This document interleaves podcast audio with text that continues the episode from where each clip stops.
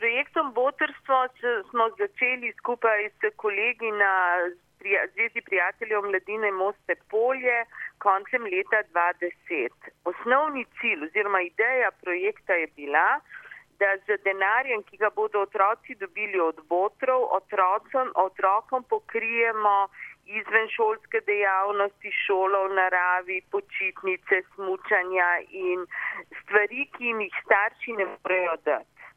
Žal se je v dveh letih situacija v okolju tako zelo spremenila, da iz botrskega prispevka otroko, otroci plačujejo šolsko prehrano, šolske potrebščine, zdravila, dietno prehrano in tako dalje.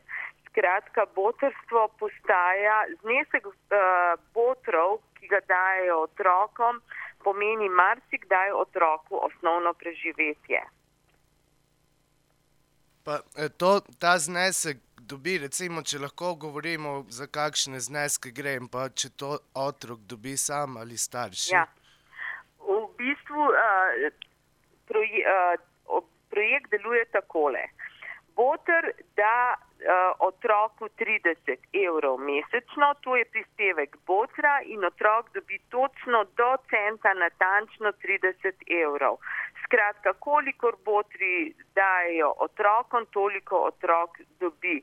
Uh, administrativne stroške projekta, ki so seveda nastajajo, imamo 2500 otrok, 2500 botrov, krijemo z donatorskimi prispevki uh, podjetij, ki so oglaševali donatorji meseca na valu 202.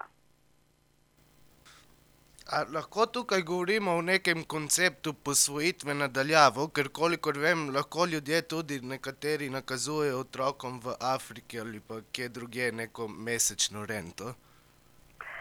To mogoče je podobna zgodba kot potrovanje afriškim otrokom. O kakšni posvojitvi nadaljavo ne govorimo in tudi te, tega termina ne uporabljamo. Gre dejansko, da je boter pač nekemu otroku ne ve imena in primka otroka, tako kot otrok ne ve imena in primka botra.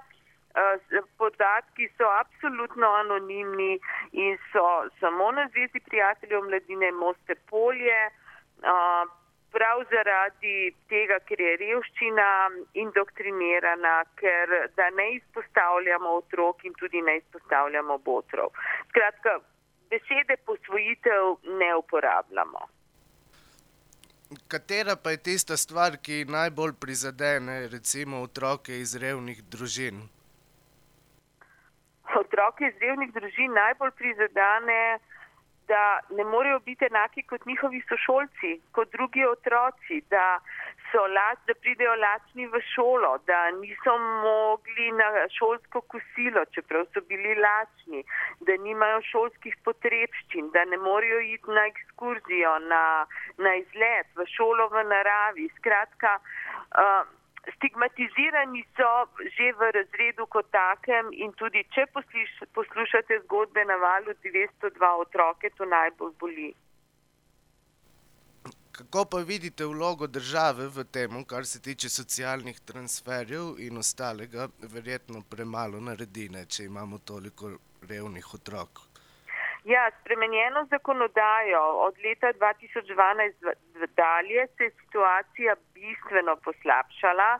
A, takrat se je število otrok, ki so zgubili kakršne koli dodatke, eh, bistveno zmanjšalo.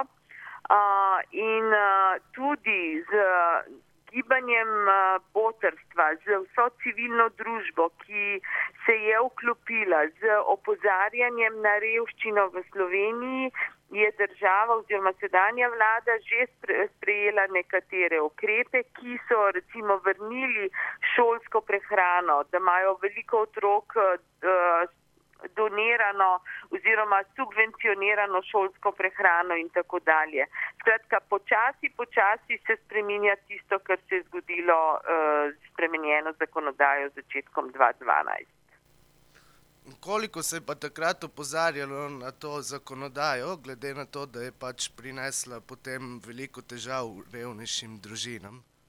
To zdaj jaz o tem težko govorim, ker v to nisem bila vključena kolikor vem, se je opozarja, opozarjalo, vendar ni bilo posluha. Res pa je, da to težko komentiram.